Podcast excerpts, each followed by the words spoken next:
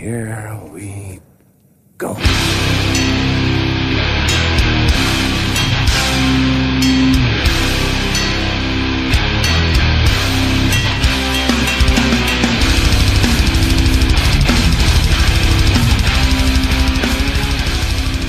Sådär då, säger vi välkomna till avsnitt 67 av Nere på Noll Podcast. Jag, Robin Lindblad, tillsammans med David Olsson, Tja tja. Danne Nätterdal God kväll. och eh, framöver också en gäst, men det återkommer vi till. Eh, idag ska vi då snacka om småbolags hardcore, eh, kan man väl säga. eh, vår gäst, eh, som ni kommer få höra lite senare i programmet, har ju djup kunskap om det här. Men eh, vi börjar väl som alltid då med lite feedback hänt i veckan. Har det varit något sen eh, vi tog ett helhetsgrepp för avsnittet på Lost and found? Eh, ja, men det var ju det var ganska mycket, mycket roliga kommentarer tycker jag. Eh, mycket snack om, eh, om eh, att vi nämnde wrestling i samband med Code Orange. Och inte mindre än tre personer skickade in olika videoklipp med Code Orange och med sångaren från Incendiary som öppnade upp åt lite olika kalsongbrottare. Var det inte så att han hade gjort introlåten till en av dem? Jo, så fattar jag det som också. Kommer ändå inte få honom att börja kolla på wrestling. Nej, exakt. Jag tänkte också på, eh, vi fick ju ännu ett, ett mail från en norrman här på våra nere panel-mail.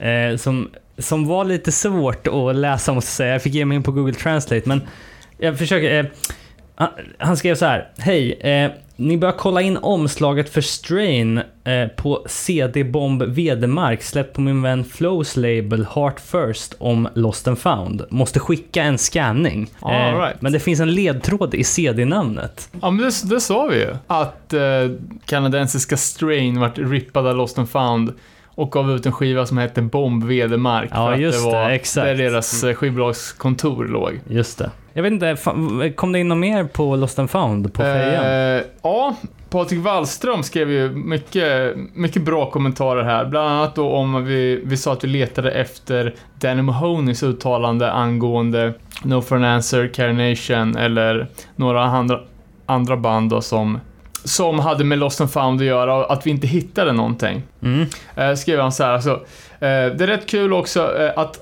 Lost on Found med sitt rykte som rip-off-bolag skrev följande i texthäftet till en Carnation-CD som de kallar för Protect and Serve fast den egentligen heter Face Nation. Eh, och då står det så här då. Mm, eh, jag översätter. Hö- hösten 93 så hörde Mahoney av sig till oss och vi ville göra en eh, No for an Answer Reunion Tour och släppa en sexlåtars mini-CD. Och för det pyntade vi honom 1000 dollars i, i förskott. När turnén var klar eh, så eh, fick vi inga, ingen master, utan istället så skickade han prylar med sitt nya band som då var God Forgot, som inte var sådär asbra. eh, och då gjorde helt enkelt Lost and Found så att de tog och släppte Carination istället. som, eh, som var bra. Eh, in order to make our money back. Spännande, ja. Eh, sen skrivs, skrevs det även i texthäftet till CD-versionen på In My Time från Ignite. Eh, we also like to apo- apologize and clear up the misunderstanding that we are a straight edge band. Because we are not. Just det. Sen var det ju då också, vad det gäller svenska band på Lost and Found, fick vi flera bra tips. Eh, bland annat skate, skatepunkarna Baseball Annie. Aldrig hört talas om. Ja, Jag var helt övertygad om att de var tyska, men Ja. de är från Sollefteå i alla fall. Okej. Eh, som släppte ett par, ett par grejer på, på Lost and Found. Eh, men att de fick ofta försvara sig för att eh, Lost and Found sålde in dem som att det var medlemmar från Millencolin och Fan It All. Svinbra. Fy fan vad de buntar ihop liksom. Experter på att bunta ihop. De är jävligt bra på att paketera produkter. Jag gillar också den här eh, kommentaren från eh, Ronny Kjellbäck som skrev Jag hade en vit Youth of Today munkjacka med ordet vegetarian felstavat. vegetarian. Eh, och Ronny tipsade även om att No Security, det är ju Jallos gamla, gamla band, också släppte på, på Lost and Found. Eh, och då såklart Uncurbed Mental Disorder. Eh, och även att de gjorde en split med, vad fan, det var Dysphere här, var det någon annan som, Mhm. som tipsade om. Och trogen lyssnare, Mikael Hammar eh, säger att han läste ett scene gjort av bröderna Hagberg. Eh, eh, intervju med Integrity The Dwid säger att de faktiskt fick betalt för skivan som de släppte på Lost and found. Dwid ser alltid till att få betalt. Sant. Eh, på tal om ja. feltryckta tröjor. Har Ja. inte du gjort det någon gång? Det stavat fel på ett bandnamn eller något liknande. Jo, hela tiden, men inte, inte, jag har inte tryckt så mycket tröjor. Eh, däremot var det en rolig på Burning Heart när Bo- det Bombshell. Rocks gjorde Ja, just det, Street, just det. Street Art Gallery. Och det- det kom det för tredje pressningen, var fortfarande fel. Vad stod det istället då? Fan, nu står det Gallery på merchen igen. Ja, fan. Ehm, och Peter Selin kaxar sig lite om att vi inte har full koll på Todd Youth. Nej, Todd Youth, Todd Jones menar jag. Eh, ja, Med, med all rätt. Ja, men eh, en person som figurerar i alla de här eh, tidigt, 90, eller tidigt 2000-tal LA-banden, Internal Affairs och Carry On och de här. just det. Kanske, kanske är dags att kolla upp.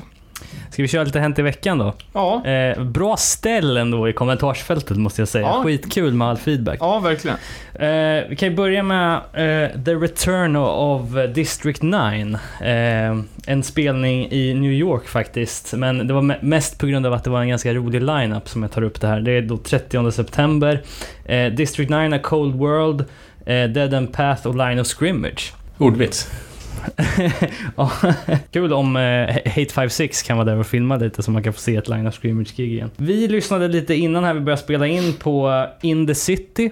En låt från No Warnings nya platta som heter Torture Culture. Eh, som jag tror släpps i början av oktober. Eh, vet inte på vilket bolag, men eh, spontant, vad tyckte du Danne? Eh, jag, det vart en jävla tjall när jag skulle lyssna på det, så jag tror jag tappade uppkopplingen halvvägs, men det lät ju jävligt bra. Mm. Eh, och, Det lät ju mer som Illblad. Ja, Fast lite bland med... Ja, men precis. Ja, det, jag tyckte det var jävligt positivt. Eh, bra, bra sångröst som vanligt, tycker jag. Och coola riff. det. Ja, Gunget. eh, ja känns det som att, de har hittat tillbaks till någonting. Du Ja. gillar väl Suffer, Suffer Survive? Eh, ja, på ett musikaliskt plan, men inte på det ideologiska planet. Eh, 13 oktober droppar den i alla fall. Ja, yes. Ja, för att 13 september så släpper ju eh, det ital- eh, italienska, fan säger nu, det japanska coolhetsbandet Creep Out en ny platta. Första fullängden tror jag. oh fan. Det är något som alla borde kolla ut. Necropolis heter den, felstavat. Ja, de är så så jävla... De som har splittat min Tegrit. Ja, precis. Gruff, fast lite mörkt, lite kaos. Och sen med sjukt fantasifull engelska. Eh, sen sa jag också, eh, Bridge 9 hade massa nya släpp på gång som jag tänkte dra förra veckan, men som det inte riktigt fanns tid för. Eh, bland annat Geology, nytt band med bland annat Matt Henderson. Eh, Just det, det är folk från Eye for an Eye och Ignite och Slapshot också va? Okej, ja. Eh, och uh, Mary Henderson är ju gitarrgeniet som har skrivit mycket av Madballs bästa gunglåtar. Mm. Och, Vem sjunger då? oh, det är, åh, jag har fan inte koll på. Nej, ska Scott höra. Vogel såklart. Ja, De, släpp, säkert. de har väl släppt en EP innan, tror jag. Okej. The, the Geology. Eh, och såg jag att det var nytt på gång med Backtrack. Uh, känns väl sådär. Snark. Men uh, något som är jävligt, jävligt högaktuellt är ju i alla fall The Rich Return of Jesus Part 2. Birdnest spagettivästernfilm som de gjorde någon gång på 90-talet. som nu ska visas igen efter 20 års tystnad. Intressant Ja, där. men, eh. Det var ju förra året det här var. Va? Ja, det var bara en gammal artikel. Jaha, jag trodde det var nu. Nej. Fan, jag blev ju peppad. Det var ju fram, det som framförallt eh, fick en att dra upp ögonen. Det var ju att eh, det här var ju tydligen en film som kom av att eh, all utomla, utomländsk försäljning från Birdnest eh, tog de då och investerade i att göra En punkvästern Eh, film i Köping. Ja, exakt. Med Alice Ba i en av rollerna. Bara det- en sån grej liksom. Ja, det var väl, eh, eh, vad fan heter han? Kuken-mannen, skända flaggan. Eh, Dier var väl med. Ja, just det. Eh, Och eh, Exakt. Lena Endre, tror jag till och med. precis, precis. Och du snackade ju om att du hade varit på, vi har ju en lokal eh, alternativ biograf här i stan som heter Roxy.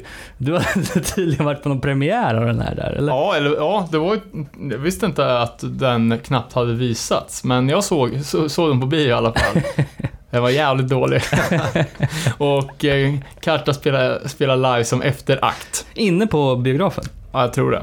Sög. Och du har ju varit med i Svärdattack. Eh, ja. ja, jag vet inte om det är så mycket att berätta. Det var något slags, slags, slags försök till samurai moves på stan här. Jag var precis bredvid. Ja, Ett terrorförsök kanske? nej, jag vet inte vad det var. Men eh, de grep han ju ganska snabbt. Så. Eh, vi pratade om eh, The Eulogy. Jag tänkte på, för jag satt och läste någon eh, artikel här i veckan på på någon sajt om att, ja ah, fy fan det suger, det är bara massa reunionband nu för tiden. Alla stora hardcore-festivaler är headlinade av reunionband liksom. Eh, och då såg jag på No Echo, de hade gjort en artikel om eh, tio nya hardcoreband med ja, veteranmusikanter. den. Ja, där var ju The Eulogy med bland annat. Men också då Fuck You Pay Me med folk från eh, Face Value, Search med folk från Turning Point, Mouthpiece, Floor Punch. Eh, Scene Crime, Last Light, ja. Vad fan hette det som var eh, Dave Smalleys nya band då? Kan det vara Last Light kanske? Ja du, det kanske... För det var ju det var typ det enda som man inte hade hört Ja. talas om. Och eh, Dave Smalley är ju geni, så det måste man ju kolla upp. Verkligen. Ja, jag kan, eh, kan tipsa om den artikeln om inte annat. Eh, 10 newer hardcore bands featuring veteran musicians på Noeco. eh, David, har du något mer? Ja, mitt, ett av mina favoritband från Sverige, nutida, Svart Katt, har släppt en ny låt. Jaha.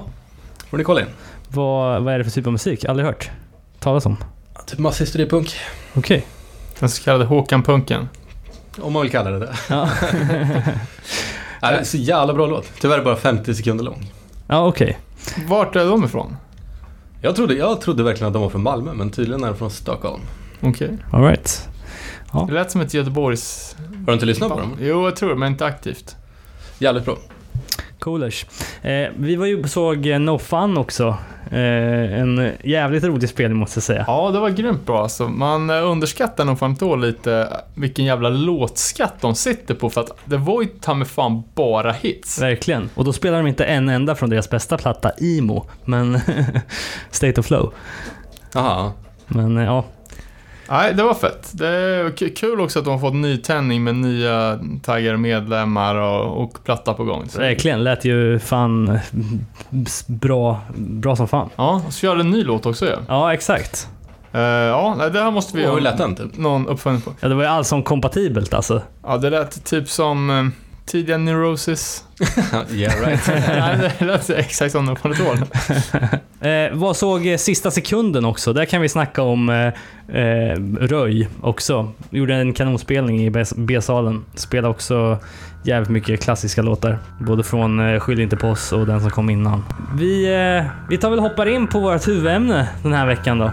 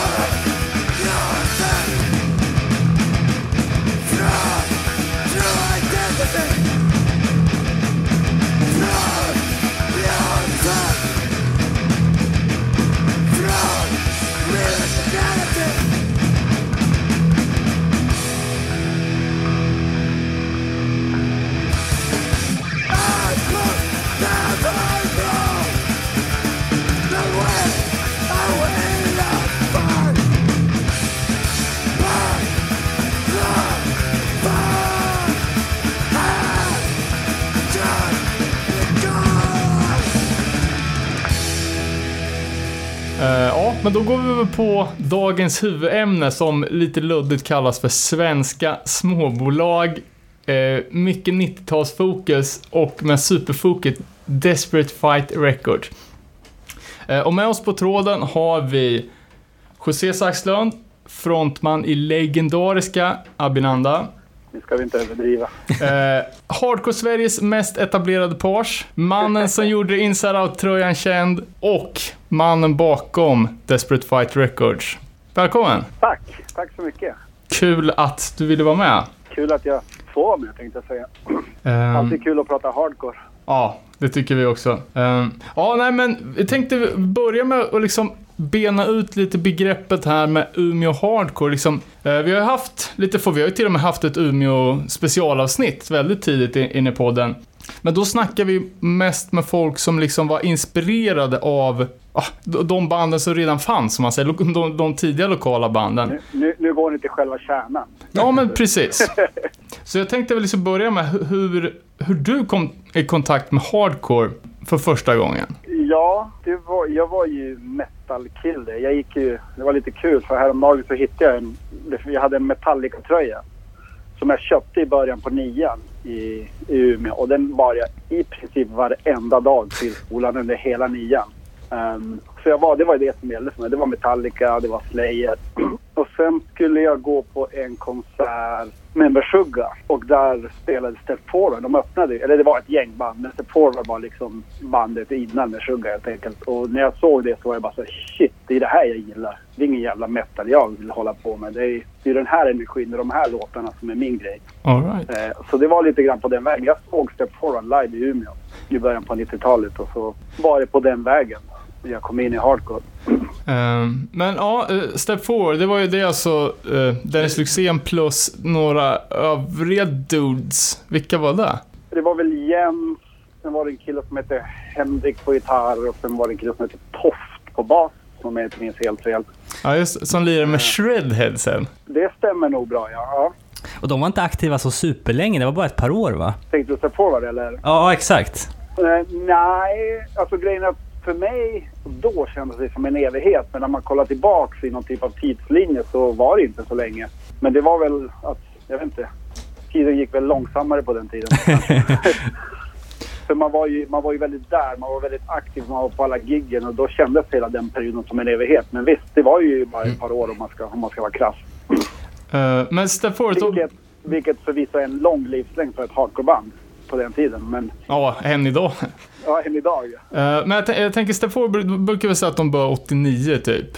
Eh, Ja, 89 till 91, 92 liksom. Sen var det väl någon, någon reunion här och var sådär. Men, men det var... Och jag kom inte... Jag flyttade tillbaks till någonstans i början på... I slutet på 89, början på 90. Jag kommer inte ihåg exakt. Så jag missade ju början på det. Utan det var ju mitt i deras karriär, eller vad man ska kalla det, som jag upptäckte dem. Ehm, ja. Eh, fanns, det, fanns det några fler band då som var så här riktigt tidiga? Nej, det var väl de och sen var det ju Garbage Pale Kids. Men det var ju lite mera punk, oj, alltså det var lite mer blandat. Allt från hardcore-låtar till trallpunk-låtar. Eh, ja, det var lite mer skinhead-band liksom, eller vad man ska kalla det. All right. Um, Eh, det, var ju de, det var ju de två som var scenen på den tiden liksom. Sen fanns det väl lite, lite andra små band också. Men, men det var väl de som var huvudbanden på den tiden. eh, och när, när kände ni liksom att det började bli en, en scen då? Alltså det fanns ju som en liten scen redan då. Jag menar direkt efter jag hade sett Sephora så började jag hänga ganska mycket med Dennis och han introducerade mig till, till alla de här klassiska hardcore-skivorna. Eh, så det, det, var, det blev som ett litet kärngäng där. Det var Dennis, det var David några till. Som, eh, vad ska man säga, som, ja, som var liksom de som gillade hardcore och, och så fanns det, det fanns lite punkare och lite, det var lite blandat och det var det som gjorde det så bra där uppe på den tiden att i och med att vi inte var så många så spelade det inte så stora, det var inte bara, det här är bara hardcore kids, det här är bara punkare utan vi var ganska blandade och, och hängde ganska mycket alla med alla, straight killare killar och mäskpunkare. eh, men, men det var lite grann starten och sen splittrades ju de här banden och det kändes som att så här, ja, det låg lite i dvala. Och sen kom ju liksom andra vågen där Refuse startade och sen startade vi Abinanda då och sen kom det ett gäng band och där exploderade det lite grann där uppe. Där gick det verkligen från så här ett, ja, ett litet gäng till att vi spelade stora ställen, i alla fall i Umeå. Och det, var, ja, det kunde komma liksom 300 till 500 pers på gingen. Men var, det- var det då i början med Abinanda så att det var Umeå som gällde eller var ni också utåt i landet och kollade in andra scener eller vad man ska säga? Eller var. Nej, i, i början var det enbart Umeå. I bör, det, det är också sådär äh, lite lustigt för man tycker fan det där byggde vi upp på så lång tid och sen när man kollar tillbaks i backspegeln så gick det ju väldigt, väldigt fort. Vi startade ju som ett plojband. Eh, och ingen av oss kunde faktiskt spela instrument. Den enda som kunde spela, han fick spela något annat. Men jag tänker, innan vi går för långt fram här, så Ja. vad, tänker jag liksom... eh, eh, alltså, hur... Hur mycket om hardcore och hardcore-kultur kände ni till liksom, alltså de här första, alltså så tidigt du kan, du kan minnas och liksom var fick ni den inspirationen ifrån? Liksom, det, det var ju enbart från skivomslag i princip. Och så sen fanns det ju fanzine som man började beställa hem. Och ibland kom man över VHS-kassetter med någon sån här Youth of the Day-spelning. Och det är inte som nu matas man ju konstant med. Nu finns det så mycket YouTube-klipp på allting. Då, det känns som att man blir blasé. Då var det så här, oj nu kommer jag över den här konserten från New York 91. Man kan inte se ett skit, man hör inte ett skit. Men jävlar vad peppad man var. Och så kollar man på det om och om och om igen. Liksom. Man njöt av det där som man idag skulle bara klicka bort på en sekund. Men, men så att ni beställde hem grejer från USA? Vi satt och bestämde hem grejer från USA. Sen fanns ju, vad var det han hette? Det fanns ju någon, någon liten karaktär, jag tror det var i Uppsala, som sålde lite VHS. Sen visade det sig att, att de var typ lite halvnazist och grejer, så det var inte lika roligt då. Men det fanns någon snubbe som hade så lite flyers i vissa fanzines som, och Mm. sålde VHS. Det var mer punk, det var mer så här Bad Religion och de grejerna som man också gillade. Men ja, de, de här så här, 16, 16 gångers kopierade Misfits-filmerna som man själv glodde på. exakt, Liksom. exakt. Som någon satt hemma och kopierade med sin VHS-bandare liksom, till en annan. Och det bara var katastrofal, både ljud och bildkvalitet. För Eh. jag, jag kanske, jag kanske liksom föreställer mig att, att det var mer obskyrt med hardcore än vad det faktiskt var. Men liksom, när, jag, när jag kom in på hardcore så gjorde jag det helt på eget bevåg. Det fanns Okej. liksom, jag kände ingen som lyssnade på det. Jag vet inte fan liksom var, var det kom ifrån. Eh, men det, och det var ju liksom, ja, typ, alltså några år senare, kanske typ 94, 95. Men då hade man aldrig hört talas om hardcore. Men liksom man blev, alltså, in, innan internet, alltså det fanns ju liksom ingen, ingenstans att snappa upp det ifrån, tänker jag. Ja, fast, fast ja, men lite så var det ju bara att vi kanske låg några år före. Men det var ju, Dennis hade ju en okej samling och då gick det, vi hängde ju hos honom och liksom satte igång de här skivorna och stagedrivade i hans stäng. Liksom. Han bodde på 17 kvadrat eh, och hans flickvän var ju föga glad över det där.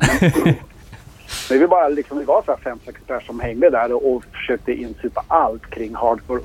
Och sen var det, det, var ju den här klassiska, på den tiden var det typ Dolores och eh, Sound Pollution eller Chicken Brain eller vad den hette på den tiden. House of Kicks. Ja, det kanske var... Ja, House of Kicks. Ja. Innan House of Kicks. Innan. Innan. Freddas bolag. Innan House of Kicks. Och där var det, de körde ju med den här grejen bara. Spelar ingen roll. Vill de säga bara det här bandet heter bla bla. De låter som Youth of Today. Det var det de sålde på. Då köpte Ja. man ju. och 90% var ju skit. Det lät absolut inte som Youth of Today. Men man liksom lärde sig nya band och hittade nya grejer den vägen. Det var som att alla tralltungsbanden, det här låter som Bad Religion. Och så kunde det bara vara något helt annat. Men Ja, exakt. Men, men det är tanken som räknas. Det är tanken som räknas exakt. Och det var väl så man hittade nya grejer. Eh, för det var, ja, det här med internet. Nog för att vi fick det ganska tidigt där uppe. Umeå är en sån där, en sån där, så det är en studentstad och vi, vi var med i första, eller andra Desperate-kontoret var med i en sån där, uh, någon, vad heter det? Ja, något experimenthus där de installerade fast lina redan så här 93-94 Okej. via universitetet. Men det fanns inte så mycket att hitta på internet då, så det spelar inte så stor roll. Så, så allt vi hittade var ju egentligen organiskt. Det var via flyers, fanzine, kataloger. Sen började man ju beställa liksom direkt från USA. Man beställde direkt från Victory, direkt från Revelation och, och, och på den vägen. Jag menar, det var ju på den tiden då, när man väl hade upptäckt Revelation som skivbolag eller Victory som skivbolag. Då beställde man ju allt. Allt nytt de släppte. oavsett vad det var. Man tog Ja. inte reda på vad det var utan man köpte bara för att det var en ny Revelation-release. Nej, det var ju precis. lite mer så det funkade på den tiden. Och då hade man ju alla tacklistor och, och bara beta av. Men jag tänkte liksom bara Exakt. hur, hur den här första gnistan, men ja, vad är hönan och vad är ägget? Eh, men men hur, hur fick ni inspiration eller typ själva tanken på att det gick att starta ett skivbolag? För det fanns väl det här Umeå Hardcore Records, men det var väl mer ett så DIY? Ja, det var Kassettbolag. Ju, det, var ju, det var ju Dennis och de här Garbage Packets killarna som hade startat, om jag inte minns helt fel, för det var innan min tid. Och sen när jag började hänga med Dennis så tog jag över den där, äh, hela den proceduren som gick ut på att kopiera omslag på en kopiator, klippa dem, kopiera kassetter, vicka in omslagen i kassetterna och sälja på gig. Ja, Ehm, så det, det var ju lite grann början till Desperate Fight på sätt och vis. Så här, ja, kan vi göra det här på kassett så borde vi kunna trycka en CD också. Och där var det ju mer att när vi spelade in första Binanda så tänkte jag, men vad fan vi släpper det själva. Jag tror inte vi tänkte så mycket nu startar vi ett skivbolag utan det bara blev lite av, lite av bara farten. men gjorde Abenanda någon demo? Kassett? Eh, frågan om vi gjorde det. Frågan om första EPn. En, jo, det kan vara så att vi gjorde någon. Det är såna här detaljer jag har lite svårt att komma ihåg. Fan, detaljer, det är en milstolpe. Ja, Nej, för jag har aldrig, aldrig hört talas om det och eh, så såg vi, vi köpte den här Umeå Hardcore-boken från utställningen. Eh, Och där är det ett foto på en Abinanda-kassett. Så bara så här, Ja. vad, är det här någon som har spelat in CDn på band eller är, är det? Nej, Jag tror att det kan vara demoversioner på låtarna som kom med på den här Burning Heart-samlingen. Northcore? Ja, exakt. Jag är inte helt hundra på det, men jag tror att det var så.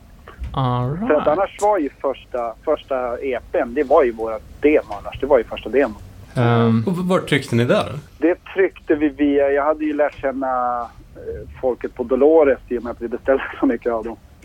Eh, så de hjälpte mig att trycka, eller de hjälpte oss att trycka den skivan. Uh, all right. Ja, och då är vi inne på första Desperate Fight-releasen, nämligen Darkness och Ignorance eh, med Abinanda och som sagt. Eh, hur, hur många ex är den gjord dig? Den gjordes ju, den finns ju i 1000 ex, fast vi gjorde ju bara 500. Eh, som sålde ganska fort. Eh, och då sa vi till Dolores, vi ska inte göra några fler av den här. Vi vill bara att den ska vara, ska vara 500 ex och that's it liksom. Det ska vara kult. Men eh, i och med att de såg att det gick att sälja så tryckte de faktiskt 500 till. Hur hur länge hade ni varit ett band när ni gick in och spelade in den? Ja, så några månader. Det känns som... Fan, ändå bra nu, för att inte kunna spela från början. Jo, ja, det låter inte så jävla bra. Och sen är det ju så här... Om man lyssnar på vissa låtar, det är ju i andra låtar rakt upp och ner. Det är ju någon Strife-låt där som jag tror vi har rippat. Ja, alltså det är, det är väldigt mycket strife på, på, på första, men jag skulle säga att eh, Darkness och Ignorance är ju ganska så mycket bättre än Strife-demon till exempel. Ja, Det är mycket möjligt, det vet jag inte. Men vi hade ju lite försprång. De fick göra misstagen. Tog vi bara det Eh, var, Jag tror att det var mycket... Det var Strife och Integrity vi lyssnade på mest då. Och jag tror att det, det kanske hörs på något sätt. Ehm, Ja, men det, det, som sagt, det snackas ju ofta att ni inte kunde spela när, när, ni, när ni drog i band, igång bandet. Kände ni liksom så behov av att, av att sänka förväntningarna eller är det någon så här ja- jante-tänk? Nej, det är bara, alltså, det är bara den krassa verkligheten. Det var... Vi, vi kunde faktiskt inte- Jag hade aldrig sett ett eller jag hade aldrig rört ett instrument. Sett hade jag. Och jag försökte spela bas och jag kunde, alltså det gick inte. Så jag fick ju bara, men du får sjunga för det, det är ingen idé du ens försöker. Okej, så ni liksom delar ut uppgifterna i bandet? Ja, ja, det var verkligen så. Um, Jonas Lyxzén då, han hade spelat lite gitarr i något skatepunkband så bara, men då får du spela trummor. och eh, Adam, hade aldrig, aldrig spelat gitarr i hela sitt liv. Men vi var ju ihärdiga, vi hade en egen replokal och vi bara, vi bara körde. Jag menar, så avancerade låtar är det ju inte i början heller. och sen, sen kom ju Kristoffer in när vi spelade in Senseless och han kunde ju spela gitarr och sånt där. Och, det, och någon som kan musik lyfter ju ganska enkelt upp resten som är lite sämre. Jo, förstås. Men vad sa du, ni sålde slut de där 500 ganska fort? eller? Då, jo, de 500 sålde slut och tyckte att det var upp nya och när det kom fram så tog jag hem allihopa så använde jag dem som julkort. Ja, så de, Dolores körde lite Lost and found-stilen här och bootlegga alltså. Absolut. Där ser man, det ser man. Det gillar vi någonstans ändå. Jag kan någonstans uppskatta det. Men kan man se skillnad på de olika pressarna då? Nej, det kan man nog inte. Det är samma. Jo, skillnaden är att eh, andra pressen inte har något textblad. För det, hade tryckt, det kopierade vi upp för hand och All vek right. in ett och ett liksom i varje, Eh, ja, i måste, varje skiva. måste jag hem och kolla direkt här. Eh, men det här med att eh, ni körde med Serkar och Krishna Beats och na- namnet Abhinanda är också taget från Mm. sanskrit. Hur- hur seriösa var ni med den Hare Krishna-grejen då? Jag visste inte ens vad Hare Krishna var. Vi hade ju första Shelter-skivan liksom. Och det är bara, det här låter ju svincoolt. Men som, som ni själva nämnde tidigare, det fanns ju inte internet. Det fanns inte tillgång till den informationen på samma sätt. Så det var nog ingen av oss som hade fördjupat sig i vad det var. Så första gångerna var det ju väldigt, väldigt mycket på skämt bara för att sticka ut. I och med att, jag menar, jag tror vårt första gig körde vi så här i lakan och, och hela Hare Krishna-grejen som det såg ut på bilder. Men vi hade ingen aning vad det Vad det var. Andra giget tror jag det var vi körde, då hade vi kommit in i, slapshot och hockey hardcore. Så jag spelade med typ hockeymask och, och, och eh, sådär, målvaktsskydd. Så det var, ju, det var ju lite grann den nivån i början. Men ha- hade Govindas flyttat till Umeå då? Nej, det kom flera år Det var kanske det som lockade dit dem? Det var det som lockade dit dem. För att jag menar, vi blev ju definitivt intresserade av hela den här Krishna-grejen. Sen fick vi upp Shelter också, så fick vi höra lite mer. Eh, men jag fastnade helt ärligt aldrig riktigt i det. Däremot så tror jag både Adam och Mattias blev lite mer intresserade, fördjupade sig lite mer i det. Ja, för att gå tillbaks till det där du sa om Shelter. Det var väl eh, typ 93 de spelade i Umeå. Ja. Eh, och man brukar ju säga, alltså, hur, hur, gick, hur gick det till? Man brukar ju alltid säga att det är förlustaffär för svenska band att spela upp ovanför Stockholm. Men, men hur lyckades ni få dit Shelter? Eh, alltså, vi var ju bara så sjukt peppade på skivan och de skulle vara på turné. Jag vet att det var svårt att övertala dem. Men eh, vi, kunde, vi hade, vi hade väldigt... Det här gjordes på en, en liten större ungdomsgård som, som hette Galaxen. Och det var väldigt, väldigt bra människor där liksom, som verkligen stöttade oss och hjälpte oss med det här. Så vi löste det med ekonomin och alltså, vi löste alla bitarna och fick... Jag tror att eh, folk på Luger var inblandade på den boken de lite grann tvingade upp bandet och bandet var ju helt opeppade. Men när, efter att de hade spelat där så tror jag att allting... Ja, det var lite av ett startskott för de började ju sprida det här uh, utomlands också. Det var så ja, men det var bästa giget på hela turnén. Det var Häftigt. Men hur stort var det? Var det 300 pers där eller var det... Ja, jag, jag har alltid trott att det var 500. Sen, sen vet jag att det gick, vi fick inte ens ta in så mycket folk sen. Men jag vet att vi tog in folk bakvägen. Och, men eh, lätt att det var, det var nog över 300 pers. Det tror jag. Det kan, kanske, kanske fanns något, något skönt litet eh, kommunalt bidrag som gick att lösa det här med, med gaget liksom så att de kunde åka upp. men det, det var det. Alltså Galaxen vet jag att de garanterade en del av gaget och sånt där. Sen, jag menar, biljetterna gick ju på 40 kronor och sånt där så det var inte så jättemycket intäkter. Så jag tror att det är en, en mycket förstående fritidsgårdsledning som låg bakom att det där blev vad det blev. Liksom. För det där, den konserten var lite grann startskottet för, för några riktigt bra år. I och med att det, jag menar folk var helt impade att vi hade fått dit ett amerikanskt band. Det var, inte, det var ju, jag menar hardcore-konserterna i Umeå till slut blev ju någonting för alla. Det var ju inte att det bara hardcore kids utan det var ju, Det var det som hände.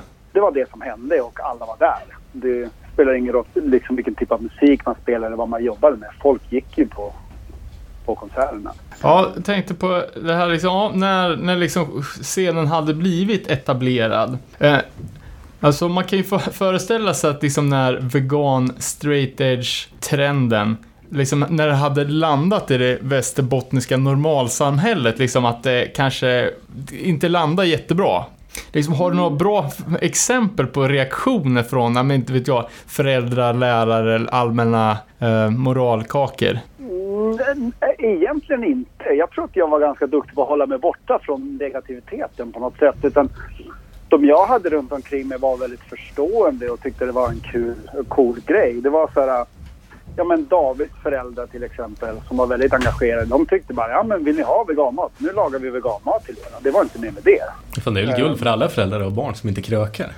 Ja, ja. Det tycker jag också nu som förälder själv. Men, eh, nej, men det var, jag, vet, inte, jag tror att jag inte riktigt såg de bitarna. Antingen blundade jag för det eller så bara höll jag mig till, till folk som uppskattade det. Men visst fanns det ju men det fanns ju falanger som gav sig ut och började bränna korvkiosker och sånt där också. Det var ju inte alltid så uppskattat. Nej. Eh, Nej. Men det var ju det var ju även i den skarven som var lite grann, kanske inte just på grund av det, men det var lite grann början på slutet också när, när det började gå lite överstyr i de grejerna. Ja, just det.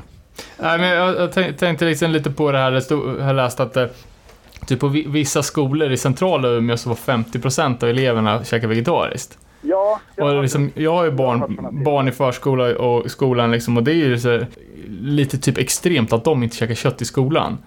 Ja. Eh, och kan man tänka sig, liksom, ja, typ 20 år tillbaka i tiden plus att det liksom från en dag till en annan blir Jo, men det, och det kom verkligen som en chock. Det var ju, och jag vet att det var lite moralpanik bland föräldrar och sånt där. Men, Ja, men eh, samtidigt om man ska vara krass så gick ju den, alltså det är ju så mycket vid den åldern. Folk tar till sig någonting, testar i ett år och sen liksom har man gått vidare till nästa trend. Så, så det var inget bestående så tyvärr. Utan det gick ju ganska fort upp och ner liksom ja någon, någon sa, sa det ganska roligt att man då, när man är 16 äter man ju bara snabbmakaroner och ketchup i alla fall, så det var ju absolut ingen skillnad. Ja, det finns väl en poäng i det. Det kan jag nog hålla med om. Men, men, men jag minns för att för mig var det hela den här Use of Today och More-grejen som gjorde att man fastnade för vegetarianism-spåret. Och eh, det här var ju 93 och då var det ju, om man jämför med idag där du kan gå in liksom i Flen och så har du en hel frysdisk med vegetariska grejer. Så var det ju inte då och inte ens uppe i Umeå. Så det var ju det var en kamp att så här, gå till... Du vet när man väl hittade en vegetarisk korv då var man ju, var man ju så överlycklig så man visste inget annat. Det, det var ju det bästa som hade hänt. Vi brukade, så här, ja, men vi brukade på riktigt åka ner till Stockholm till någon specialbutik och köpa vegetarisk korv med oss hem. För att det var, det var, liksom, ja, det var hård valuta. Men det gick ju också ganska fort och det gav ju också frukt att man så här, gick in på Coop eller Konsum var det, som det var då och bara så här. Men har ni vegetariska grejer? Har ni vegetariska grejer? Till slut började de ta in det. Ja, exakt. Ja, det, krä, det krävs ju li, lite folk för att, för att få till det och då helt plötsligt så blir det skapligt mycket lättare. Men eh, ja, när eh, det börjar liksom bli mycket band och, och så här, då kommer ju då andra släppet Straight Edge as Fuck. Yes. Hur långt var det emellan? Nu är vi inne på de här detaljerna. Nej, men är det, ett, är det ett, en månad eller ett halvår? Eh, jag kommer faktiskt inte ihåg men någonstans däremellan skulle jag vilja tro. Men ganska fort i alla fall. Ja, ganska fort. Menar, om man kollar på livslängden så får vi inte ut ganska mycket releaser på inte så många år. Så det måste ha kommit ganska fort liksom. Eh, för det finns ju en, en del bra låtar på den plattan, typ med Drift Apart, som, som visserligen släppte en sjua här typ förra året med, med sitt material. Men även Beyond Hate och, Solitude. Och... Men Solitude blev Shield va? Det, ja, just det. Ja, det stämmer. Men alltså, fanns det några mer så guldkorn band som, eh, som man har missat från den tiden? Som liksom aldrig blev jag tyckte, kända? Jag tyckte själv tycker jag att Drift Apart var ju typ det bästa. Jag tyckte den låten var så jäkla bra. Ehm, men nej, och det här var ju... Man får ju tänka på att det var ju ganska mycket, ganska mycket samma medlemmar i de här banden som bara roterade. Och det känns som att många bildades för att vara med på samlingen om man ska vara krass. Okej. Det gick ju ganska fort, eh, på gott och ont. Men eh, nej, jag tror vi fick ju med det mesta på, på de där samlingarna. Eh, Vi lä- läste om två band, By Any Means och Opposite Force, eller X Opposite Force. Eh, är, det, du kanske, är det By No Means eller By Any Means? By No Means tyckte jag var... De släppte en demo. Ja, för det är nog så det är ett re- Refused sidoprojekt va? Ja, nej, By No Means vilka var det? Det var ju... Jag tror Jonas som är där. Sen var det en kille som hette Håkan som sjöng som hade en jävla röst alltså. Mm, och de spelade in någon demo som var svinbra tyckte man då i alla fall. Men jag tror aldrig...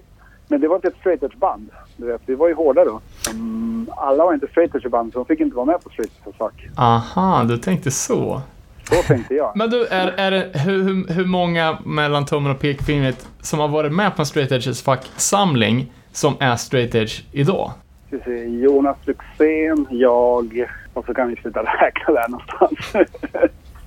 Jag tror att det typ är vi två. Eh, bra jobbat av er i alla fall.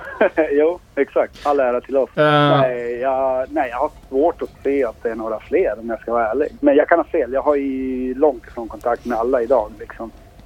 Men de här, de här samlingarna, de var ju väldigt fokuserade på lokala band. Fick ni också liksom, ja när ni var på väg att släppa tvåan eller trean, förfrågningar från utomstående akter eller utländska band eller så? Var med? Ja, både, och, både utländska och, och andra från andra städer. Men vi höll det lite grann till. Purusan var ju det närmaste som fick komma med och de var ju från Skellefteå liksom. Så det, där, där, där drog vi gränsen. Ja, Nej, för jag kan tänka, det här var, det här är väl, när kan det här vara? 93, 94? Då, för då hade ju till exempel Victory hade ju liksom slutat vara ett renodlat straight edge-bolag och inte ens hardcore-bolag. Eh, och likaså New Age och, och Conversion. Så det känns som att eh, om, eh, om man nu var straight edge-puritan så fanns det ju inte så många bolag under den här eran som som var liksom, som var straight edge as fuck. Nej, men vi, jag tror att vi låg ju någonstans, som alltid på den tiden, vi låg ett par år efter den amerikanska scenen liksom i allting. Ja, Så vi var väl liksom, det Victory och New de var liksom tidigt 90 så var ju vi 93, 94. Um, Så jag tror våran cykel låg liksom ett par år efter den amerikanska. Men vi kom väl in på den biten, eller det vi gjorde, det vi startade Ampersand istället för att släppa sånt som inte var straight edge. Och i och med att den ventilen, eller vad man ska kalla det, fanns så var det ju enkelt att hålla Desperate Fight som renodlat straight edge-bolag. all right, ja. Men du, Ampersand då? Var det, var det något samarbete med Birdnest eller? Eh, ja, delvis. Alltså, eh, men även Desperate Fight. Det var ju, vi startade Ampersand först för att just få ut sånt som inte var straight edge. Och så sen hade vi ett par releaser som gick väldigt bra. Så, så fick det lite grann finansiera Desperate Fight. Men Vilka var det som gick bra? Adessive och Stone det gick ju ganska bra. Party Songs, klassiker. Ja, en klassiker som alla skrattat åt, men vi skrattade hela vägen till banken. Men, Ja, men det- vad- hur vart Birdnest inblandade?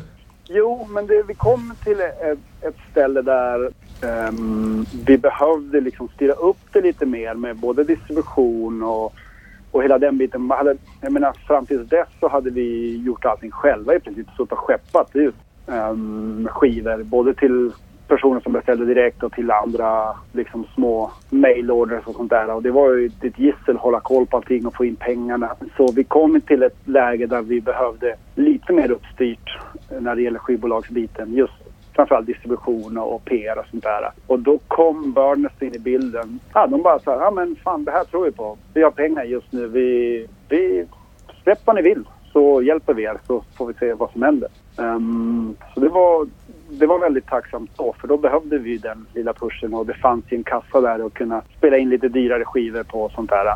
Så på den, men det var ju både Ampersand och Desperate Fight. Liksom, de tog sig an och finansierade båda bolagen och eh, hjälpte oss med, med allt kring releaserna. All right. Ja, de hade ju säkert ett ganska bra distributionsnät. Alltså det här De var ju väldigt... precis i skatepunk, eller eh, svensk punk gyllene åren också ju. Typ Ja. 94 där. Exakt, det här var ju där. De hade ju framförallt väldigt välfylld kassa i och med att eh, Dia Salma hade smällt till. Det var ju liksom svensktoppen och det var ju, ja, det var ju flera hundratusen sålda skivor liksom. Ja, vi, Eh. vi snackade om det här innan faktiskt, att uh, ja, Birdnest hade så mycket pengar som de var tvungna att spela in en spagetti-westernrulle för 200 000. Ja, men det, det lustiga är att den faktiskt, som jag har förstått det, inte ens finansierades med dem. Jag tror att den finansierades med privata pengar. De sålde andelar i filmen. Ja, ja, jag läste också något att det var någon så här Eh, jävligt tidig crowdfunding-grej. Men ni Ja. var ju med på soundtracket så ja. Jo, jag jobbade ju på Börnes då. Eller jag jobbade ju med mina bolag, men jag satt ju på Börnes ett par dagar i veckan. Så, men jag måste vara den enda eh, i, i den kretsen som faktiskt aldrig såg filmen. Jag har fortfarande inte sett den än idag. Ja, den är inte bra. Ja, jag kan inte uttala mig om det. Nej, det är nog bä- bäst att du håller dig neutral. Ja, Jag, jag, jag, jag gör nog det. Men vadå, eh, så- sålde de här Ampersand-plattorna bättre än Desperate Fight-grejerna? Ja, det måste jag nog säga.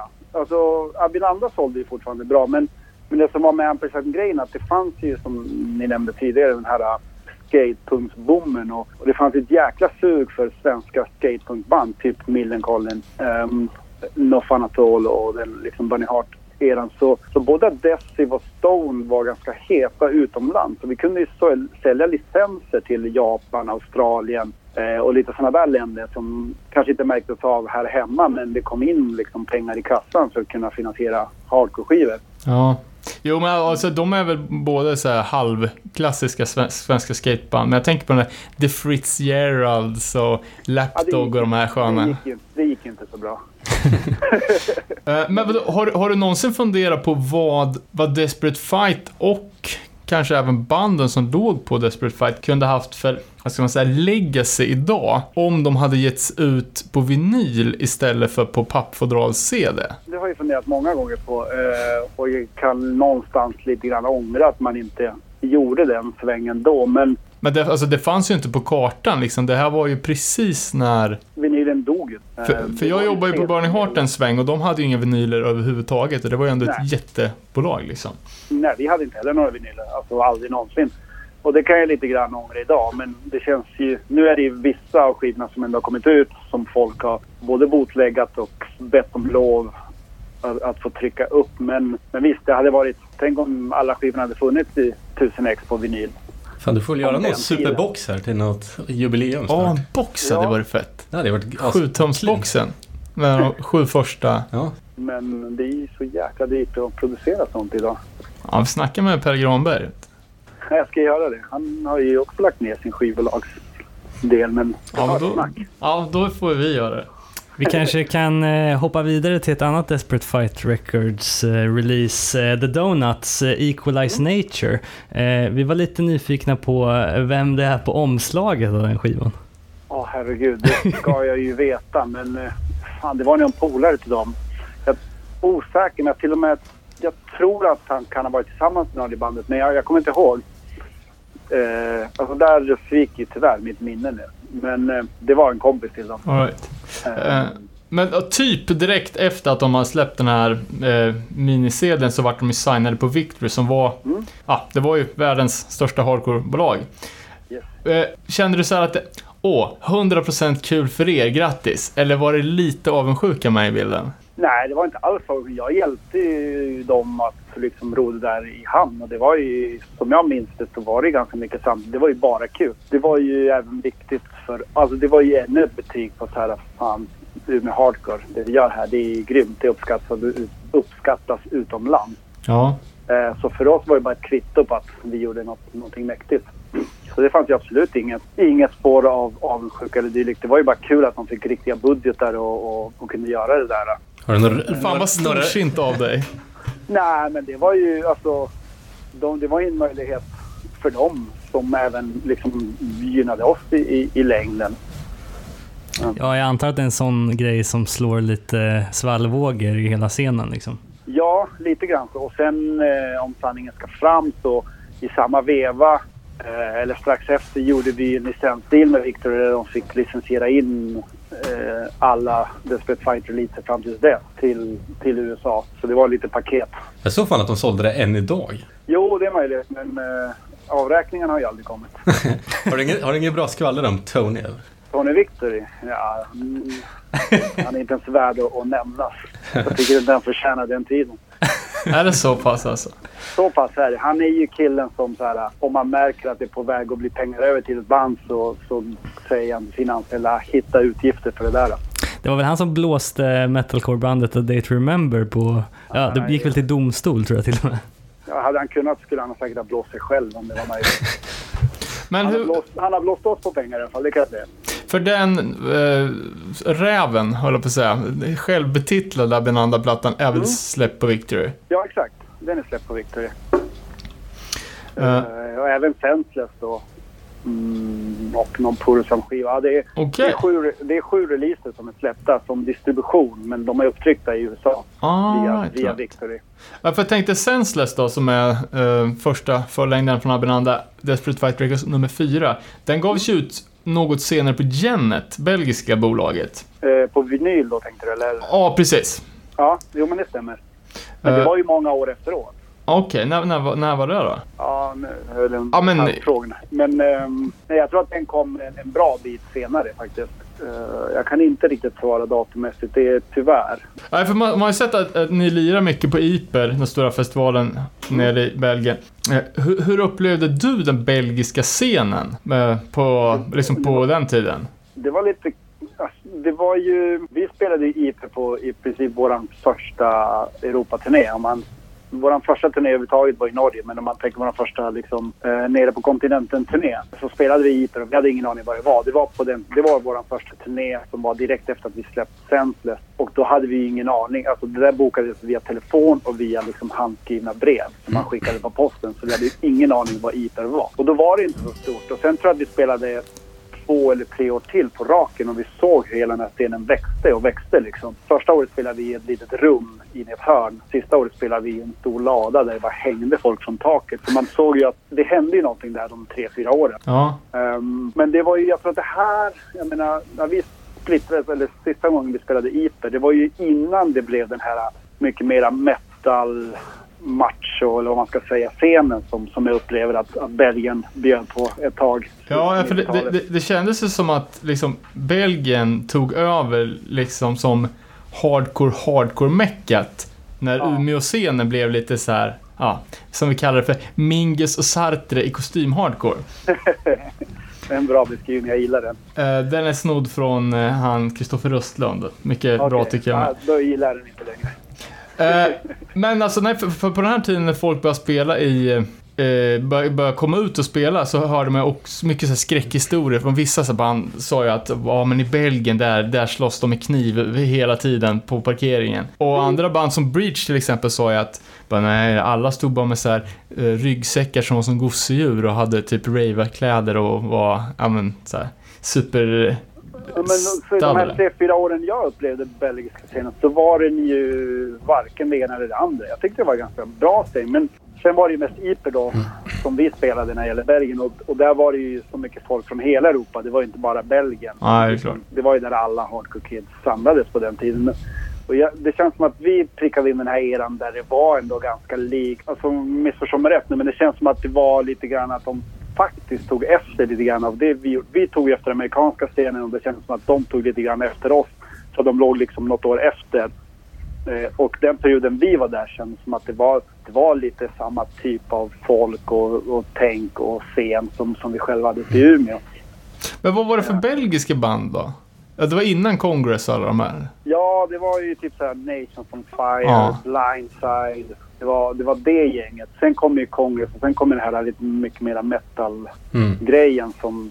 Ja, ja, vi missade ju det. Jag förstår. Ja, men, ja, men typ såhär Nations of Fire, det känns ju också, det känns ju sjukt Umeå. Ja, men lite. Så här, Ja. vrål, vrålpolitiskt och ja men Ja. det är ganska musikaliskt samma typ också. Det Och, var, men, det, jo, ja, men absolut. Manlifting Banner också, fast det var ju för sig i- inte riktigt belgiskt. Men, eller var det det? Var de från Holland eller Belgien? Jag det still. skulle säga Belgien, men det är väl, Ja. eller jag säger Holland, men det är väl samma Holland, hur? klick Det typ. känns som att det är samma. Ja, exakt. Det var lite mer den stämningen när vi var i Belgien som mest. Liksom. Det var ju innan här, äh, vad heter de, H800 eller 8000. Alltså hela den hårda Ja. kärnan av killar började starta sina band. Ehm, Men om man går tillbaks till Senseless då? Jag läste att det var den som satte igång hela, vad ska man säga, seriöst skivbolag. Att den sålde, Eh. att den sålde jävligt bra. ja, den sålde sjukt bra. Ehm, jag kan knappt säga några siffror för jag vet inte. Men, men ett tag hade den ju sålt 25 000 ex, vilket var jävligt mycket. Oj.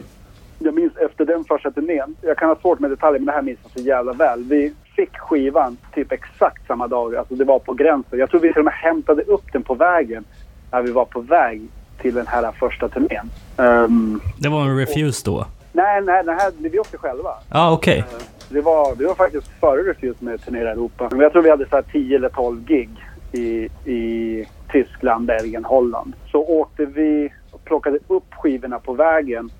Jag tror det var så här 2000 ex. ehm, och sålde på giggen och sålde sjukt bra. Jag kom ju hem med så mycket pengar så jag visste inte vad jag skulle ta vägen.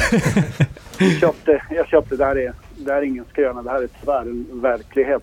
Jag köpte en dator, en scanner och en laserskrivare för 135 000 kronor när jag kom hem. Det kostade så mycket på den tiden. Det var en mack liksom. Ba- Bara scannern kostade ju 35 000 kronor. Men vi tyckte att det var värt det för att vi kunde göra riktiga omslag och sånt där. Ja. Coolt. med facit i hand så hade det varit bättre att inte göra det. med på hur fula omslag jag gjorde. Men det, men det var inga problem att bara casha in när vi kom hem. Bara betala av hela fästningen och köpte dator för alla pengarna. Ja, men, Eh, och den, jag tror att liksom den turnén och att vi kom ner och gjorde något ah, som folk kanske inte var så vana att se gjorde att ordet spreds ganska mycket. Jag tror att den där första turnén satte lite grann grunden för oss som band. Och i och med att, jag menar, här i Sverige var det ju, man åkte ju inte till Vänersborg för att se ett gig från Umeå för det var ju, tog ju en evighet. Men där nere var det inte så långt mellan alla giggen så när folk fick höra om det så började de åka på alla spelningarna där vi spelade. Så det, det blev en jävla bra första turné.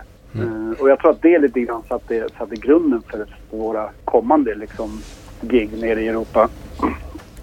Kom, eh, ni kom väl att turnera med 108 lite senare också va? Det gjorde vi, absolut. Då är jag lite nyfiken på hur, hur det togs emot då med, i och med att de är så Hare Krishna liksom. Blev det något... Eh, Det var, nej, det var... Det finns en incident som jag kommer ihåg som var lite... Det, det var ganska lugnt och det var ju, vissa var ju mer kristna än andra liksom. Men, men Vic var ju väldigt inne på det där på den tiden. Ehm, jag tror inte han är det alls lika mycket idag. Eller jag låter det vara osagt, jag har ingen kontakt med honom nu. Men, men han var ju väldigt, väldigt inne i det där. Och en gång så var det någon som snodde en sån där skylt, en kvinnlig skyltdocka från någonstans och la det i hans säng i, i nightlinen. Och det var absolut inte uppskattat. Alltså han blev ju, alltså det var ju, det var ju krig. Och helvete vilken utskällning det där blev. Men, men förutom det så funkar det ganska bra. Och jag tror att det var ett par av oss, eller i Abinanda, som fortfarande var lite inne i den där Krishna-grejen grejen då. Så de tyckte väl att det var ganska intressant att åka Mm. med. Så vi stannade på lite tempel på vägen och sånt där. Så nej, det, det funkade friktionsfritt. Förutom att det var så här sex veckor i samma nightliner och gig varje dag. Åh, jäklar. Sådana turnéer gör man ju inte idag på samma sätt. Um, nej, det låter massivt alltså.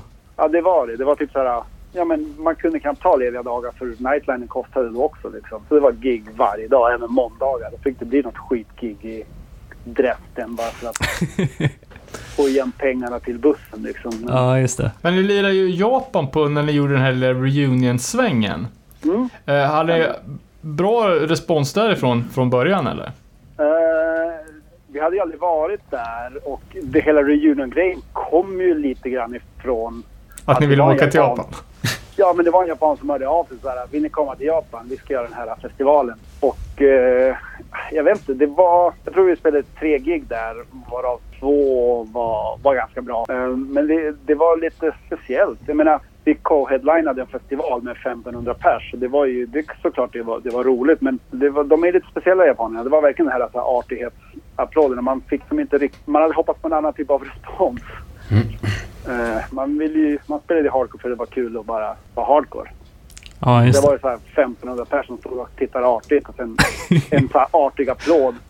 Eh, och, sen och sen var ju alla skitpeppade efteråt men det var ändå så här. Okej. Det var en, lite, lite av en kulturkrock. Ja, om man tänker att det skulle vara totalt jävla Ja, ja. kaos. Ja, men det, det hade jag nog i huvudet också. Så här, ska vi göra det här? Ska vi repa in det här? Så vill man ju ändå... Ja, men tänk mera... Ja, men man hade ju minnena från Ipel liksom. Man trodde att det skulle vara den stämningen och det var det ju aldrig riktigt. Och det spelar, det, det, spelar ingen roll vilka det var som spelade. Det, även om det var ett crisis liksom, så var det ungefär samma respons. Så det, det, det var blandat. Men ja, Eh, men bara eh, en, en liten fundering där. Eh, kolla på Abinandas diskografi här på, eller biografi på Discogs. Mm. Den är jävligt kort. Eh, the band was good friends with refused. Känns inte som att ni kommer få liksom skina till fullo på den beskrivningen. nej, jag tycker det räcker gott och väl. Det Eh. säger väl det mesta. Känner ni er som den eviga tvåan? Och i så fall, fanns det någon rivalitet mot Refused?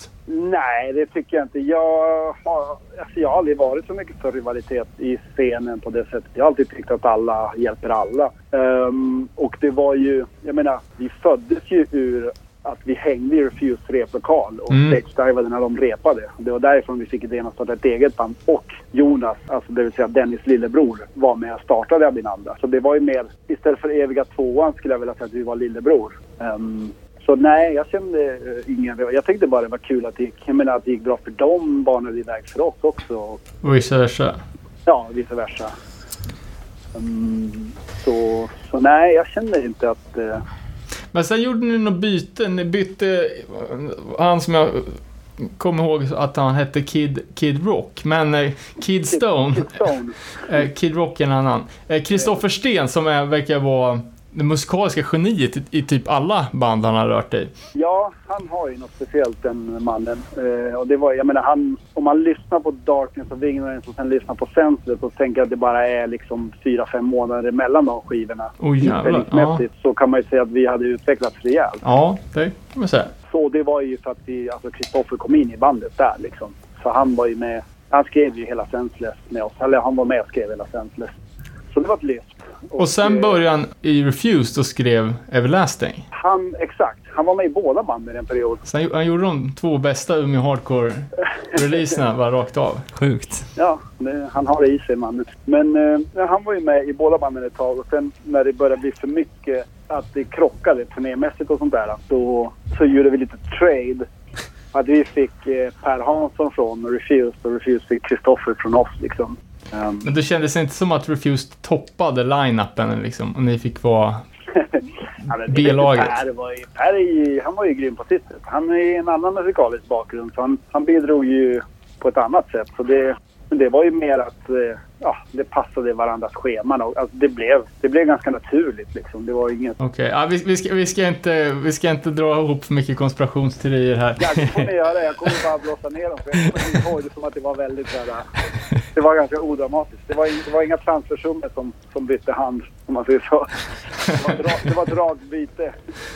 Right. Vi kan, eh, vi kan ta hoppa vidare till en annan... eh, Fan, du, jag måste verkligen gå ut och lägga pengar i bilen. Ja, okej. Kan, kan inte ni bara ta punkten? Jag är supersnabb. Ja, Så slipper vi ta någon paus. absolut. Eh, vi kan vänta tills Dan har gått ut här ur rummet så... eh, Förlåt, förlåt. Ser ut som... Du får ha den där appen så du kan göra det i telefon. Finns det en sån? inte på hans telefon. Nej, inte på den här.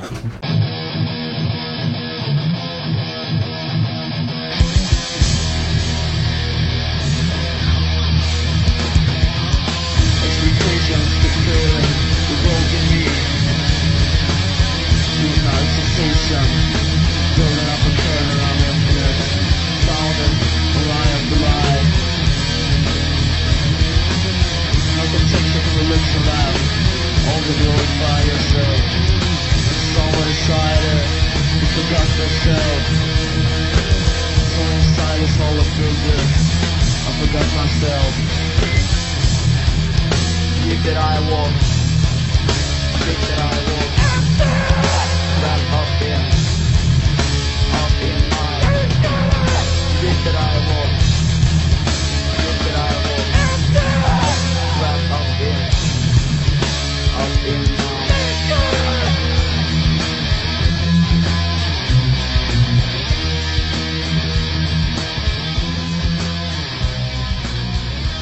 Ja, men som sagt, vi kan hoppa vidare till en annan Desperate Fight-release, nämligen Shield, Build Me Up. Är det eh, ett omslag som du ligger bakom, eller?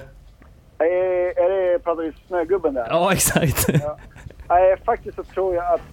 Så här är det att um, sångaren i Shield, ehm, hans pappa hade någon typ av reklambyrå uppe i Umeå.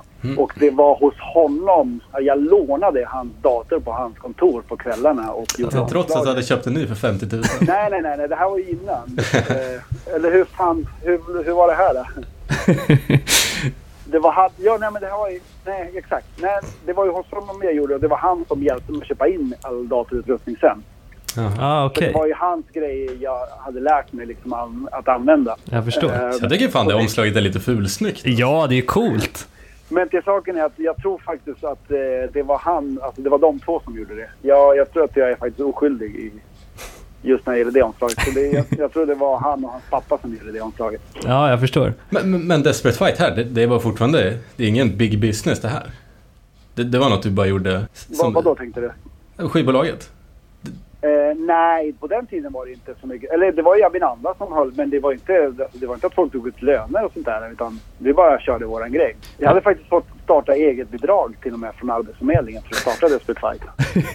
Men ni hade kontor och såna grejer eller? Vi hade kontor, ja. Första kontoret var hemma hos mig, men sen hyrde vi ett kontor där i de här student... Ja, just det. Ja, just det ja. eh, på Kemigränd. Och sen hade vi ännu kontor lite senare, längre fram. Då delade vi med ett annat skivbolag som heter Nons, som släppte med popgrejer. Okej.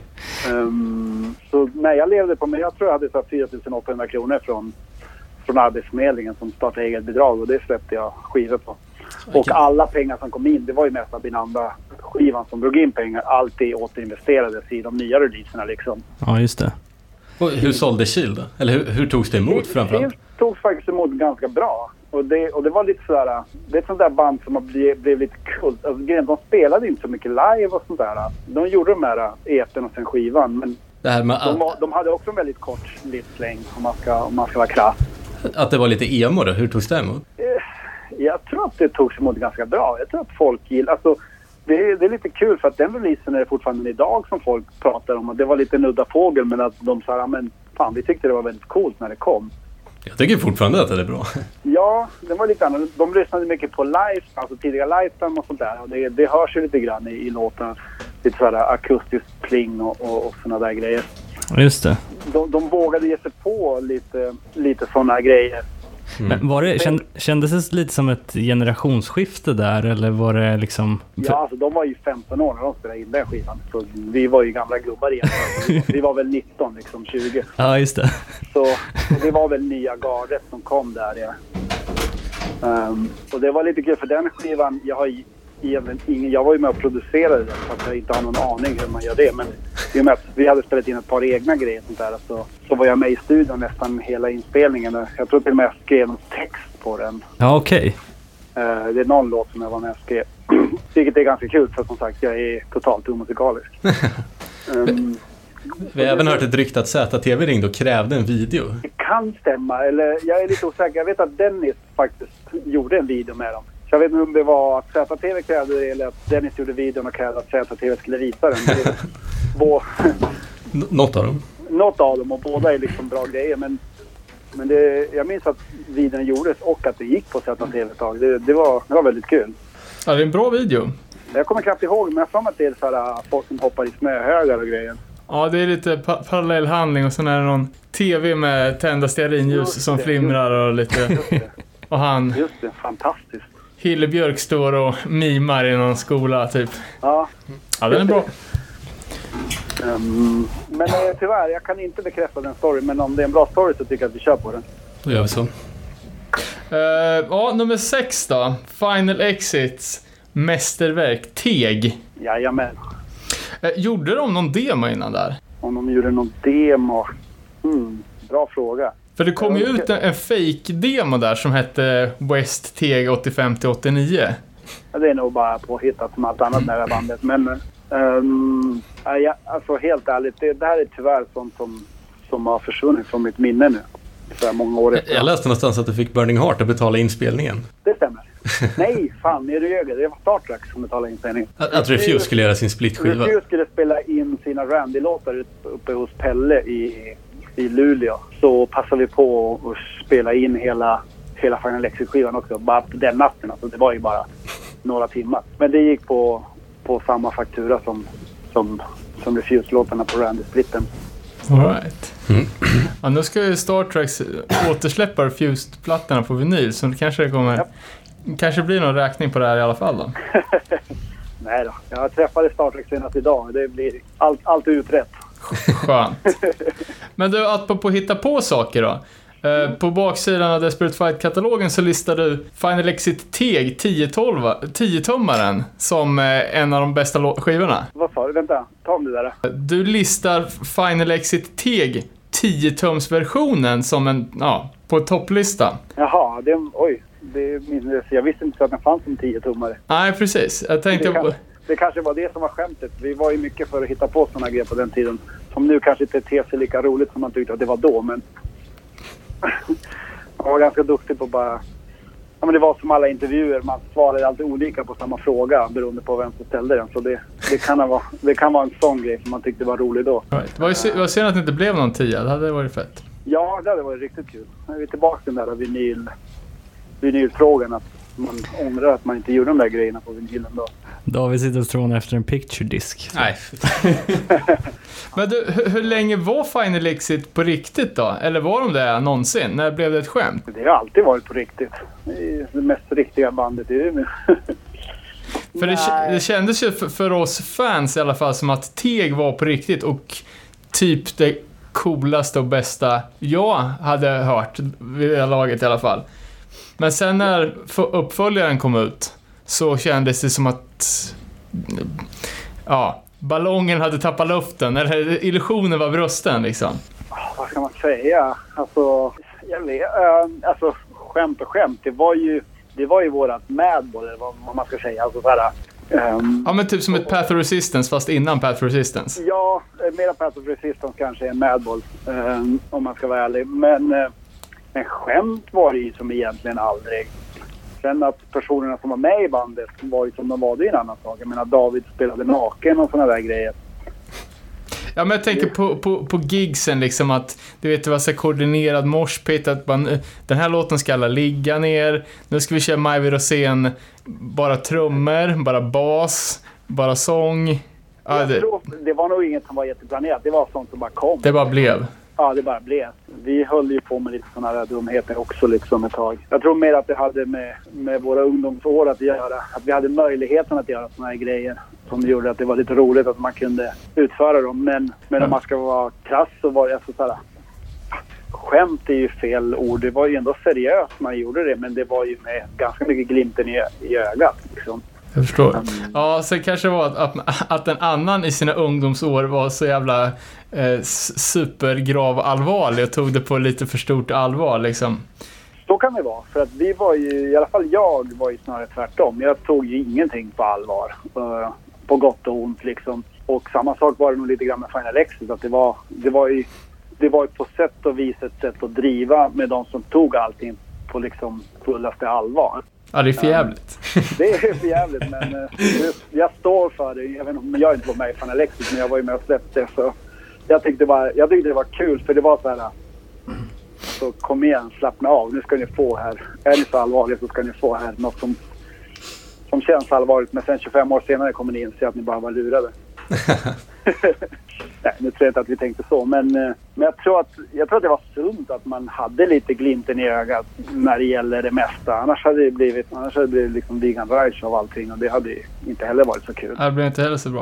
Nej, men jag tänker också, alltså det är en helt, det är en lite annorlunda kontext. Alltså, eh, det har ju pratats om att hardcore och straight edge var liksom den rådande ungdomskulturen i Umeå ett tag. Det var det. Och det då- det. I, I en kort period liksom. Och då förstår man ju på något sätt liksom att man kanske, när de personerna som man inte vill vara som helt plötsligt är som en själv, att man vill börja göra något annat liksom. Ja, kanske. Nu tror jag inte att man tänkte så, men... eh, Nej, men det k- känns det som att, li- alltså från, eh, med utomstående ögon, liksom att, att Umeå-scenen gick från klassisk hardcore till att, att göra någonting hyggligt annorlunda på ganska kort tid. Det är möjligt. Det är lite att de här svängningarna också gick ju väldigt, väldigt fort. Alltså så här, det var ju under en ganska koncentrerad period allting hände. Så jag tror att man var ändå tvungen på något sätt att gå igenom alla de här cyklerna som alla andra gjorde.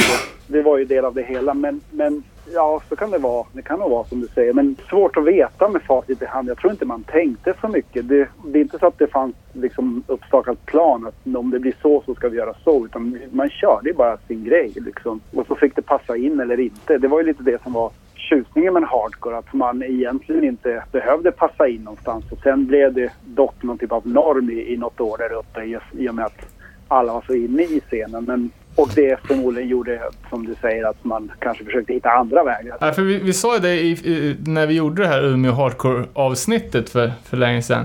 Att, eh, att Umeå var per, per capita det största hardcore hardcore-scenen i, i världen. Mm. Eh, och då baserar vi det på, på befolkning i- jämte mot... På vilda gissningar. Ja, men på, mot då Syracuse som hade två band med på Victory Style 3 eller vad fan det var. Ja. Eh, och att, att så, så även hade Umeå som var då betydligt mycket mindre. Ja, men det, det tror jag nog. Och det, det var ju lite det som var... Jag vet inte om det var liksom den här isoleringen från resten av världen som faktiskt råder där uppe i och med att det ligger där det ligger. Plus att det är en studentstad där det finns liksom mycket nyfikenhet kring det som hände som gjorde att, att hardcore blev så stort. Det var ju, det var ju rätt som, som sagt alla var ju på en hardcore-spelning någon gång oavsett liksom Man ville eller inte. Ja, oavsett man ville och oavsett vad du sysslade med annars liksom. Eh, och det är en, en viktig faktor också som jag tror faktiskt har spelat mer roll än, vad man egentligen tror. Det är att det var väldigt mycket tjejer involverade i scenen också. Det var liksom, det var nästan 50-50 ett tag och jag tror att det, det bidrog på alla sätt och vis att, att, eh, till att scenen var så pass stor som den var. Ehm, och det, det, det tycker jag var ganska intressant. För att det var så jäkla kul när man spelade i Umeå att se att det var så mycket att det var så blandat och att det var ganska mycket 50-50. Sen åkte man till Tyskland så då var det så här 95 tatuerade killar och sen var det någon som hade släpat med sin flickvän. Lite, lite grann den. Så stor var skillnaden tyckte jag där i några år. Ehm, så jag tror att det bidrog till en ganska sund scen och sunt klimat att det var så mycket tjejer inblandade där uppe. Ja, det låter rimligt. Mm. Men du, nu har vi snackat jävligt mycket om de första här. Det, kanske de mest klassiska releaserna. Men har du någon av de senare plattorna som du vill... eh, Som vi inte får glömma helt enkelt? Jag kommer ju knappt ihåg katalogen själv. Jag minns att eh, ja, men Cedar Wash-skivan var lite grann början på slutet på något sätt. Den kostade jävligt mycket att göra och den sålde inte så jättebra. Och Den var ju väldigt annorlunda också. Var det den självbetitlad eller var det All Punk Cons? Eh, albumet var väl all, alltså den riktiga sedeln. Ja, just det. Ja, det var nog All Punk Cons, ja. Så det var, det var väl fullängdsskivan. Det andra var väl en lite längre EP bara. Okej. Um, ja, den var, de gick in i tonteknik och spelade in och, och, och det drog iväg pengamässigt minns jag. Vi hade ju stöd från Burness men det, var- den, den betalade inte riktigt igen sig. Och där, jag tror att där någonstans kom någon typ av brytpunkt. Inte på grund av skivan. Alltså det, är- vi ska inte skylla förfallet på det, det, det albumet. Men jag känner att jag själv tappade lite luft där. Det, som sagt, i den åldern, det är mycket som händer. Eh, det var inte så att mitt intresse hade, hade börjat svalna, men det, jag vet inte, det kändes inte lika kul. Um, tyckte inte att det var så kul heller vart vi var på väg med Abinanda heller. Även om jag nu senare kan kanske uppskatta till exempel Rumble som skiva på ett annat sätt. Men på den, jag ville ju bara spela Stripe Hardcore liksom på den tiden. Ja, det, Det låter, ju- låter sunt. Men du, vi, Det var ingen har, annan som ville liksom. vi, har, vi har ofta diskuterat den här eran inom, alltså just svensk hardcore, det som vi har kallat för jeansdöden. Eh, när liksom, jag vet inte om det var när kom från Trollhättan, eller vart det kom ifrån, Vänersborg. Eh, den här, eh, ja men att alla band, inklusive Abinanda, gick åt det mer rockiga hållet. Också kändes som väldigt tvära kast. Liksom 59, eh, Abinanda, Nine, alla de stora banden. Hur, hur, tänk, hur tänkte ni då? Jag tror inte att vi tänkte så mycket. Det, det, det var väl... Alltså som sagt, jag tror aldrig att det fanns någon så här utstakad plan för så här ska vi göra. Utan det var väl mer att de som var i bandet på den tiden kände att det är det här vi vill göra. Ehm, men var det inte lite grann, hela Hellacopters och Backyard Babies den eran, var inte det där omkring också? Kan man inte ha varit inspirerad av sådana grejer? Jo, alltså det måste ju nästan ha, ha varit något sånt. Jag tänker att alla de som spelar i, alltså ni kände väl 59 och 9? Absolut. Så att de må- måste ha kanske gemensamma influensintag Ja, det är möjligt. från någon håll. det, det är mycket möjligt. Jag tror också att det var så här... Man hade blivit mycket bättre på att spela, man ville som utveckla. Det var väl bara jag som hade stagnerat och bara ville göra samma låtar om och om igen. De andra ville ta det vidare. Ehm, de ville göra How We Rock. ja men lite och eh, jag menar ska man vara krass så var det ju av sista liksom uppsättningen av Minanda var det egentligen bara jag som, som egentligen var hardcore kid på det sättet som hade Revelation-katalogen och hade eh, liksom tidiga Victor-katalogen och hade den, de influensramarna. De andra var ju mycket mer inne på liksom Guns N' Roses och, och Motley Crue om man ska vara ärlig. Alltså det var ju, vi lyssnade på olika musik helt enkelt. Det kanske inte hade varit kul. Man kanske hade gjort en Stripe-skiva och så hade jag ju bara tyckt att det var helt värdelöst idag. Det har jag ingen aning om. Men just då ville jag ju spela sån musik. Och det fick jag inte riktigt. Så det, det, det, har också, det tog ju också lite grann glädjen för mig. Och, det, och samtidigt som att det hade blivit ett, något slags, alltså ett nödvändigt ont. För att det var ju Abinanda som ändå drog in pengar till bolaget. Så jag behövde ju bandet, även som skivbolagsdirektör om man ska kalla sig, så behövdes ju den akten för att den var ju viktig för ekonomin. Så det var verkligen så här, ja, Jag måste väl göra en till skiva. Så det förtog lite glädjen på slutet för mig. När bestämde sig Desperate Fight Records för att bli en mail order då? Jag vet inte. Det blev nog ganska naturligt tror jag. Men vi hade inte så jättemycket har jag för mig i, i våran katalog. Eller ni kanske vet bättre. Ni kanske har gamla flyers som säger, som säger annat. Men På flyersen står det ju alla, alla andra hardcore-bolag typ. Men okay. alltså, ni hade i alla fall en katalog och det är ju, säger jag tänkte, någonting.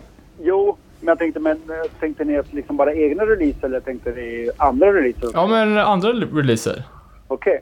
Jag tror att det var en blandning av... eh, ja, just det. Det var nog när Axel kom in i bilden som tyckte det var kul att, köpa och sälja sånt där. Och Dennis har ju tyckt också om... Jag tror att det var också en sån där grej. Det fanns ingen riktig plan när man började köpa in grejer och sälja liksom. Det bara kom av sig självt.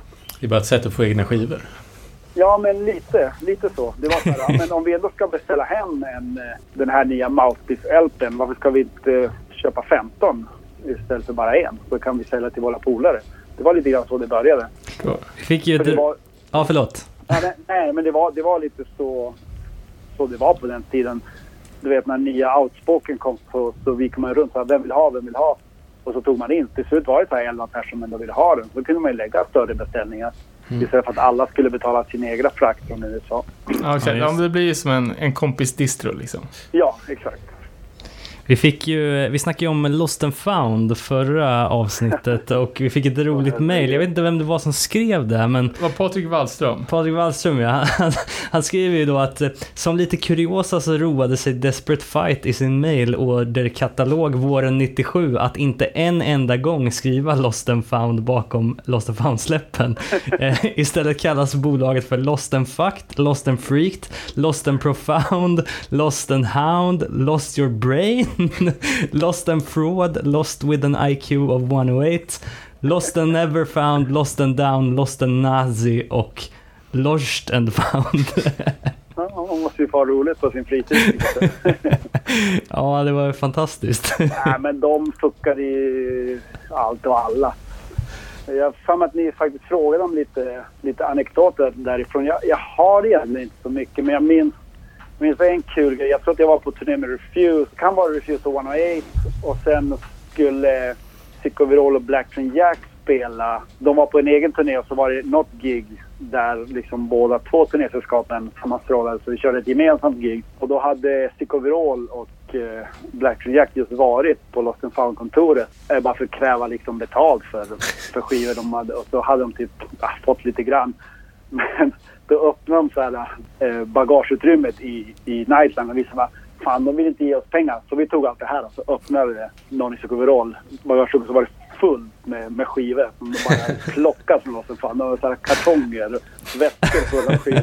De bara, jag vet vi kommer inte ens få med oss det här till USA men det var bara värt att ta grejen.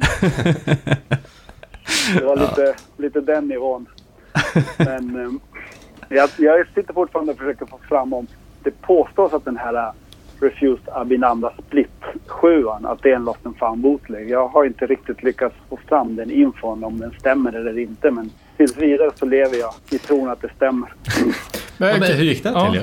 Vad sa du? Hur, hur, kom, hur kom det sig? Nej, alltså det, det har ju tryckts upp en, en, en sån split 7 och eh, alla som vet någonting påstår att den trycktes av Lost and found fast det inte står att det är Lost and found på den. De sålde den. Ja, men, men, men ni var med på att det skulle hända och Unbroken var med Nej, på nej, det? nej, nej. Nej, nu är det alltså- Unbroken. Den är anspelad. Det, det är en boot. Alltså inte Unbroken utan The Refused Abinanda Split. Jaha, ja, ja, ja.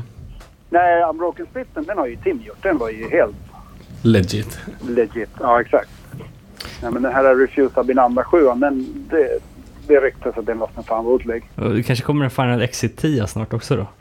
Man kan alltid hoppas på Lost and found också. Um, börjar vi komma i mål här? Har vi några, några fler frågor som... Men jag tänker lite på vad, du eh, pysslar med idag och lite, ja, hade ju Out of Vogue, om det, jag vet inte om det fortfarande är aktuellt, och så även, hette andra bandet med Daniel Larsson där? Uh, Violence, fan Ja, det, var, det var det som blev Out of Vogue egentligen. Vi skulle ju starta ett band men sen uh, var Daniel för mycket i LA så, så gjorde vi... Men Autovogue var ju egentligen ett projekt som, om jag ska vara helt ärlig, så skrev vi och spelade in skivan på typ tre dagar. Jag var i Göteborg så bara körde vi. Och så fick vi några gig på det. Men eh, vi splittrades aldrig, men vi fortsatte ju aldrig heller. Vi har spelat in två låtar för ganska länge sedan, men de kom aldrig ut här för mig. All right. Kanske någon som kan få smygspela här i podden någon gång då? Absolut, om jag bara visste vart de fanns. Så jag tror inte jag har någon version på dem, men, men eh, kolla med, med Per Stålberg om man vill skicka, få loss dem. De Absolut. finns i hans mixerbull i hans dator någonstans. Men eh, som sagt, vi har ju, varje gång vi ses så sa fan vi borde spela in något nytt och så sen eh, har alla sina egna liv som kommer i vägen. Ja, det är ju de där jävla liven som ska vara Ja. i vägen för hardcore. Förstör hardcore-scenen. Men det går ju lite rykten om att eh, du till vardags är ett eh, talangscout för eh, fotbollstalanger eh, och sånt där. Jag gillar det. Jag vill inte döda det ryktet egentligen, men jag kanske måste göra det. jag, jag, jag jobbade som, som scout i, i några år, men det var ganska länge sedan nu. Det, blev, det var kul ett tag, men sen... Det är inte så jäkla roligt att åka ut så här sju på morgonen en lördag för man ska hinna med fyra knattematcher i så här Eskilstuna, Nyköping. Det låter skittråkigt. Och så ska man så här sitta och göra anteckningar. Ja, nummer sju i Eskilstuna har ett bra löpsteg, Simre tillslag. Det var kul i några år, men det blev inte så kul i längden. Så Men vem var din uppdragsgivare då? då Eller din var det, boss? Då, det, var, det var ju olika... Det var en, en agent, en som jobbade som agent. Och sen eh, även direkt åt klubbar. Åkte, jag åkte ju till Argentina och kollade lite spelare och, och, och sånt där. Så det var, det var inom fotbollsvärlden. Ehm, men sen eh, jag lämnade det bakom mig och gick tillbaka till musiken igen.